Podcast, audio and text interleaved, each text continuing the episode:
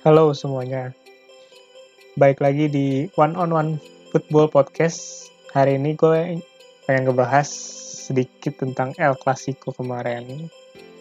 Sedikit terlambat tapi gue pengen ngebahas ini karena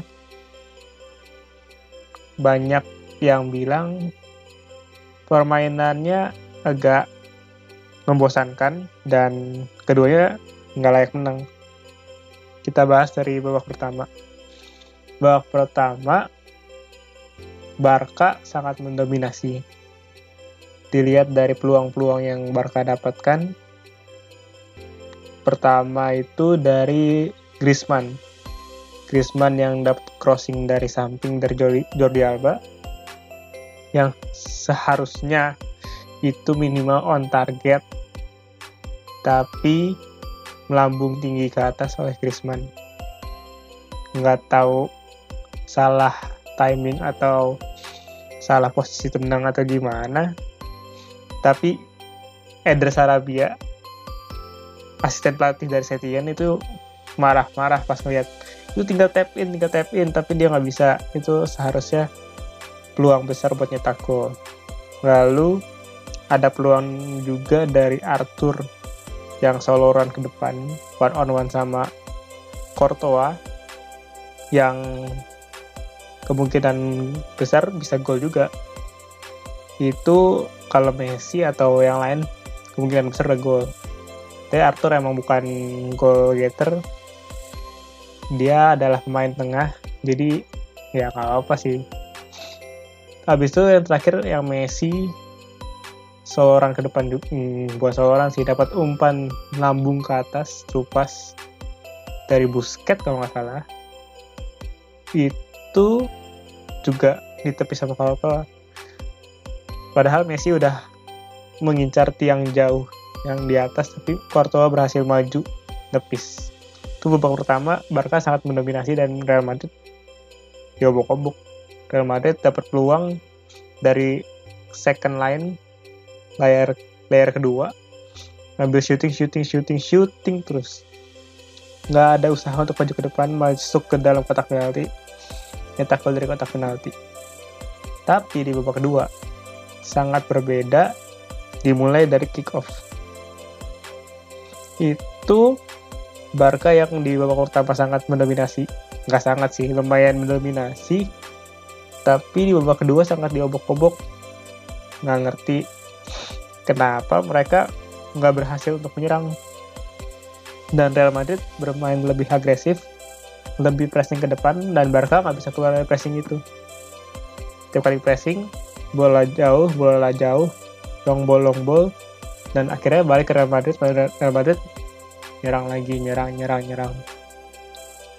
Tapi gol pertamanya Real Madrid itu murni kesalahan Barca. Vinicius sendirian di pojok. Kosong nggak ada yang jagain. Semedo fokus ke depan Martin Braithwaite juga kayak telengah-telengok ya dia baru masuk sih dia nggak tahu posisi mungkin. Bukan dia yang seharusnya jaga Vinicius. Dan Toni Kroos tuh lagi diem. Posisinya bola juga diem. Dia coba pakai sign tangan. Maju maju maju maju. Dan pemain Barca nggak ada yang ngeh kalau di belakangnya ada Vinicius sendiri kosong dan Vinicius pas mau mulai lari dan dalam masih posisi onside Toni Kroos dengan keahliannya itu dia bisa memberikan assist. Dan kesalahan kedua itu dari Pique. Pique bukan ngejaga Vinicius dia malah ngejaga space biar nggak diumpan tapi kalau dilihat nggak ad ada satu pemain Real Madrid tapi nggak bisa diumpan karena dijaga juga. Kalau nggak salah sama Busquets ya. Atau yang lain. Sebenarnya Pique harusnya majuin aja. Dan pas Vinicius mau shoot baru dimajuin akhirnya deflect dan terjadi gol. Kalau nggak deflect itu Ter Stegen udah dalam posisi yang pas. Dan itu nggak akan gol. Setelah 1-0 ya sebelum 1-0 itu juga ada peluang si Real Madrid dari Isco heading. Ter Stegen udah nggak berhasil dapat bolanya tapi Pique berada di garis gol gawang berhasil menepis bola itu dan nggak jadi gol. Positioning Pique yang balik ke posisi gawang untuk jaga gawang biar nggak kebobol itu suatu keputusan yang sangat tepat positioning yang sangat bagus. Dan nggak bisa dilakuin banyak sama banyak back-back lain. Back-back lain kan biasa oh fokus ke pemainnya fokus ke ini. Dipikir udah ada keeper jadi nggak usah jagain. Tapi dia si Pique berinisiatif untuk menjaga gawang bersama Ter Stegen. Ter Stegen gak berhasil ambil tapi Pique berhasil menepis bola itu. Benar-benar tipis gitu.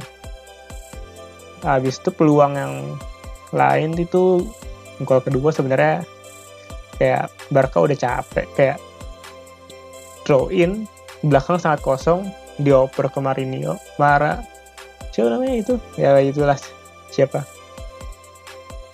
Dioper dan Umtiti beras ing, berusaha untuk menjaganya tapi emang Umtiti udah semenjak cedera dari habis Piala Dunia itu udah turun banget Umtiti sih harusnya Lenglet yang main di El Clasico. Itu dia nggak berhasil ngejar dan terjadi gol itu. Ter Stegen juga 50-50 dia mau jaganya agak maju juga gak bisa mundur juga gak bisa. Jadi dia cuma jaga dengan posisi itu dan bola berhasil dipatahin dikit baru ditendang. Jadi di masuk ke celah tiang dekatnya Ter Stegen.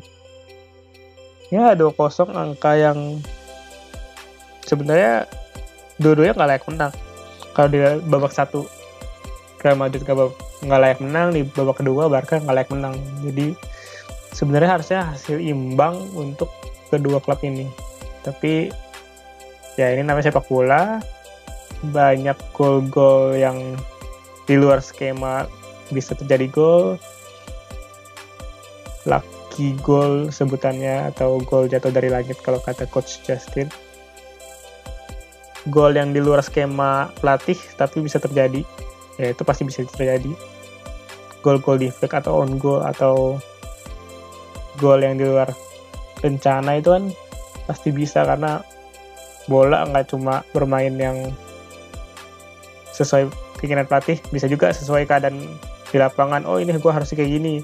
Keinginan pelatih pengennya main pelan tapi ada celah untuk counter attack. Ya counter attack dipakai gitu. Nggak harus sesuai keinginan pelatih. Menurut gua Barca tetap bakal bisa juara musim ini. Di, dilihat dari gaya permainannya Barca ini udah dalam jalur yang tepat.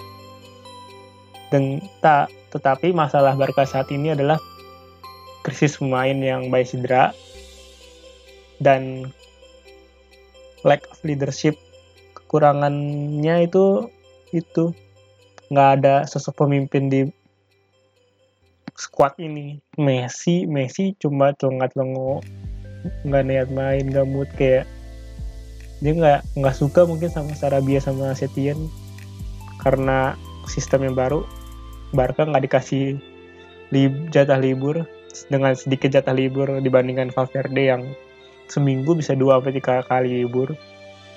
Sedangkan Setien baru masuk semua libur ditiadakan karena Setien pengen semua pemain Barca ini ngerti dengan cepat bisa menjalankan dengan cepat skema yang Setien inginkan.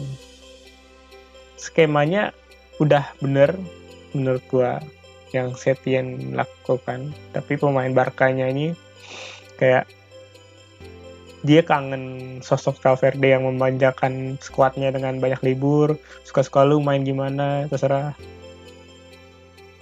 Jadi disiplinnya pemain Barca ini udah sangat berkurang karena era Valverde itu jadi menurut gua masalahnya itu dua itu. Krisis pemain kalau krisis pemain sih salahnya Bartomeu ya. Presiden Barca ini ngaco banget transfer pemainnya. Semoga tahun depan kan ada pemilihan presiden baru. Bartomeu keluar aja lah. Dia ngerusak Barca ini.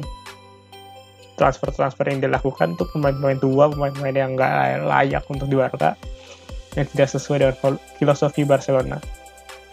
Terus dia masih mengandalkan pemain-pemain lama sih yang udah tua seperti Busquets, Pique, Messi, yang sudah sudah waktunya lah untuk mencari pemain baru dan mengandalkan lama Sia yang dikenal sebagai akademi sepak bola yang terbaik dulunya sekarang mah kacau semua pemain lama sih dijual-jualin nggak ada yang dipakai Ansu Fati juga gue rasa kalau kayak gini terus dia nggak mau di Barca sih kalau dia bagus tapi dia nggak di nggak dikembangkan dengan baik.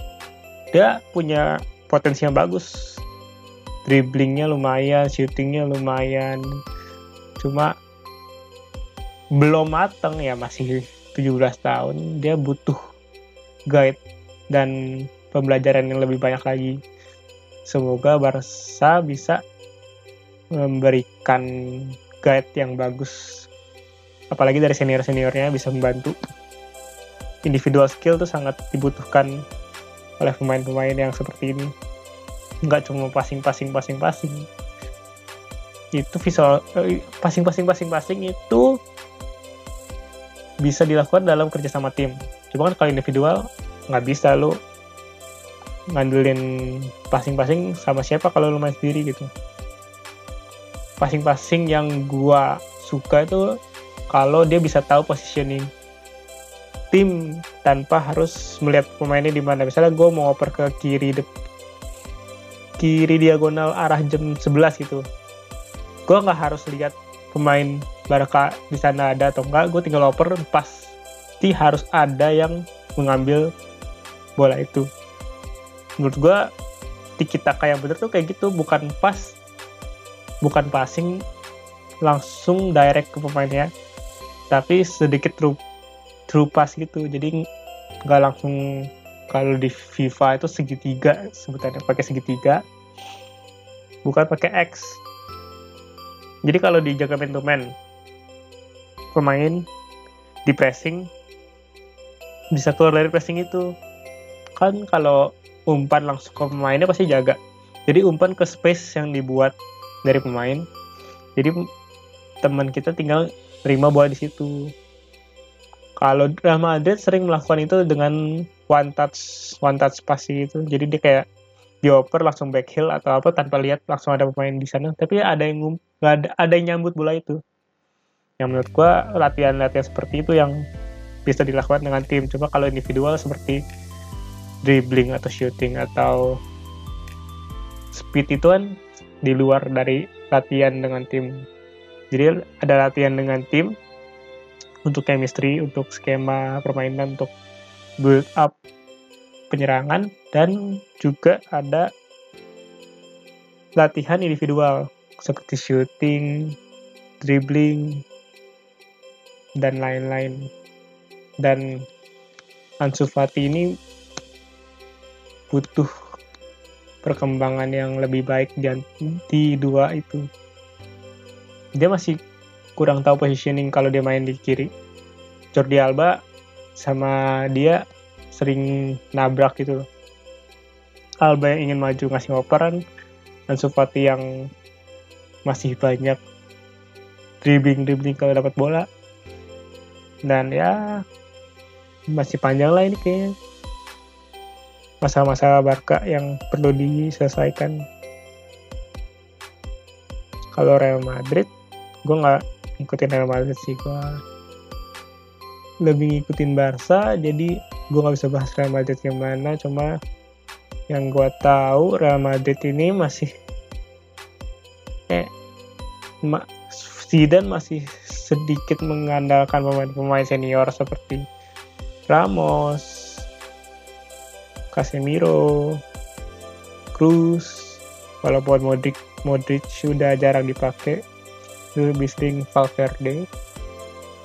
Tapi striker depan masih Benzema.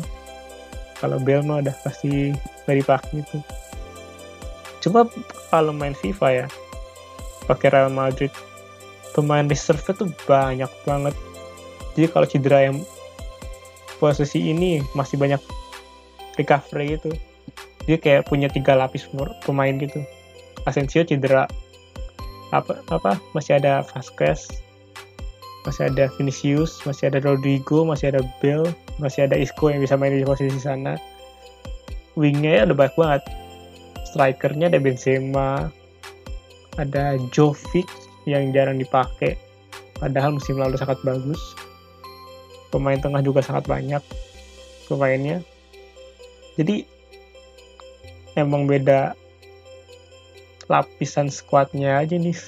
Kalau Barca sangat krisis. Sampai kemarin dia mengan, apa, menggunakan transfer emergency ya. Martin Bradwaite yang tapi hanya boleh main di La Liga nggak boleh main di Liga Champion karena regulasinya seperti itu. Tapi katanya Suarez bakal sembuh lebih cepat. Katanya match lawan Napoli minggu depan dia sudah bisa dapat lampu hijau untuk bermain. Tapi ya kita lihat aja semoga Suarez cepat balik dan bisa bermain bersama Griezmann dan Messi. Tapi gue nggak lihat Griezmann bisa bagus di Barca sih. Positioning dia nggak gaturan antara main di tengah atau main di wing atau apa. Dia sering banget turun untuk membantu defense. Dan dia juga gol-gol dia sebelum Setien lebih banyak gol counter attack dari Ter Stegen langsung tendang ke depan jadi positioningnya kurang ngerti gue kalau buat Griezmann ya. Dia kalau di Atletico dia, dia lebih main di tengah. Di Prancis dia juga main di tengah.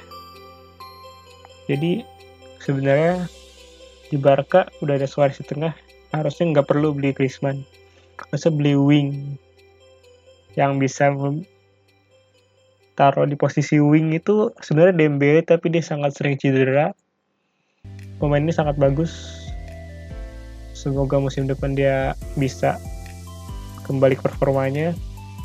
Nggak cedera-cedera lagi. Kalau midnya Rakitic sama Fidel nih udah harus dibuang sih sebenarnya. Busket Busket masih boleh dipakai cuma tetap butuh pelapis. De Jong De Jong yang gue lihat di Barca nggak seperti De Jong yang main di Ajax atau di Belanda karena di sini dia lebih dipakai untuk ke depan. Sedangkan di Belanda atau Ajax dia lebih ke DM lebih ke defense lah. Build up-nya dari belakang. Tapi kalau di Barca dia ditaruh di posisi lebih ke central midfield sampai ke attacking midfield midfield. Dan itu kurang cocok di De Jong yang bukan sebagai umpan eh, bukan sebagai pemain tengah yang memberikan umpan-umpan cantik ke depan atau asis atau memberikan gol tapi dia lebih ke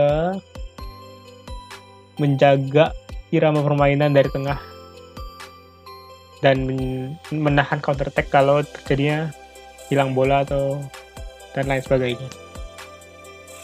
Kalau Arthur menurut gue Arthur itu pemain yang bagus, dia bisa menahan bola dengan baik. Bodinya juga bagus, agak bantut yang tapi kan pemain tengah nggak perlu tinggi-tinggi ya. Dribblingnya bagus, strengthnya bagus visinya juga lumayan bagus untuk ke depan tapi sama seperti De Jong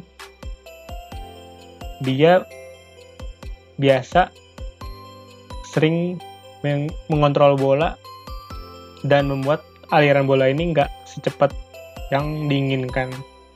Jadi bola harusnya tak tak tak tak. Harusnya di depan tapi dia tak tak tak nyangkut di Arthur atau De Jong. Dan ini membuat aliran bola harusnya bisa udah di kotak penalti masih di tengah masih di dia gitu. Nggak ngerti itu keinginan Valverde eh keinginan Setien atau emang keinginan atau emang si De Jong sama Arthur yang nggak bisa mengalirkan bola ke depan yang menurut gue harusnya bisa sih. Dia harusnya bisa melihat bola harusnya umpan ke mana tahan ke mana biar aliran bola ini nggak nyangkut di mereka terus. Kalau beberapa match yang gue tonton bolanya banyak nyangkut di mereka. Makanya di match terakhir ini sebelum kemarin lawan siapa ya? Minggu lalu itu Busket bisa ditaruh paling depan. Nggak ngerti sih. Mungkin karena Busket bisa memberikan pressing tapi atau me, Busket nggak bisa mengalihkan bola segala macam. Gue nggak ngerti yang ada di pikiran Setian. Minggu lalu lawan Sociedad ya. Lawan Sociedad Busket di babak kedua berada di posisi striker paling depan pas pressing nggak ngerti buat apa. Tapi dia emang nggak bisa. Kenapa ditaruh posisi itu di pasal Sociedad bener-bener semua berantakan positioningnya gue ngerti. Busquets bisa di depan. Di tengah nggak kelihatan segitiga yang diinginkan di kita ke Barca. Dan semua position position position position pemainnya berubah ngacak ngacak ngacak ngacak semua untung ada VAR. Udah main berapa lama tiba-tiba di stopin ada VAR handball Dewi dapat gol. Kalau enggak mah Barca juga seri itu. Nggak bisa nyetak gol ke depan. Messi sering banget hilang bola nggak punya visi yang seperti dulu. Kayak ogah-ogahan main nggak ngerti kenapa Messi seperti ini. Apakah dia kangen oleh kangen sosok Neymar dan Suarez dan dia kehilangan itu nggak punya teman lagi di lapangan untuk berbagi misi visi yang diinginkan karena sepertinya dia tidak suka dengan Griezmann. Bukan nggak suka nggak klop sama Griezmann gitu. Ya Messi bolehlah sekali-kali dia dicadangin gitu. Biar mainnya nggak suka-suka dia ini kayak klub yang Messi sentris banget. Semua bola ke Messi. Nggak semua sih nggak separah dulu. Valverde bola ke Messi bola ke Messi. Sekarang lebih merata bolanya tapi masih sering ke Messi. Messi dribbling lepas, first pass lepas, shooting lepas, semua. Bolehlah di istirahatin satu game. Kayak memberikan dia istirahat juga dan memberikan dia kayak pelajaran kalau nggak bisa main suka-suka dia gitu ya itu sedikit bahasan gua tentang klub favorit gua Barcelona. Semoga dia bisa lebih baik. Ini gue take di hari Jumat 13 Maret. Jadi next matchnya ini bakal lawan Napoli karena match-match di La Liga dipostpone dua minggu karena coronavirus semoga cepat membaik ya karena semua aktivitas nggak cuma sepak bola juga nggak cuma sepak bola, ini semua aktivitas di Eropa berhenti karena virus ini. Virusnya nggak lebih mematikan dari SARS, tapi sangat tinggi tingkat penyebarannya, sangat gampang menyebar. Jadi hati-hati dengan virus ini. Kalau ada gejala-gejala sesuai virus itu, cepat dicek ke rumah sakit. Hmm, ya yang terbaik untuk kalian. Terima kasih.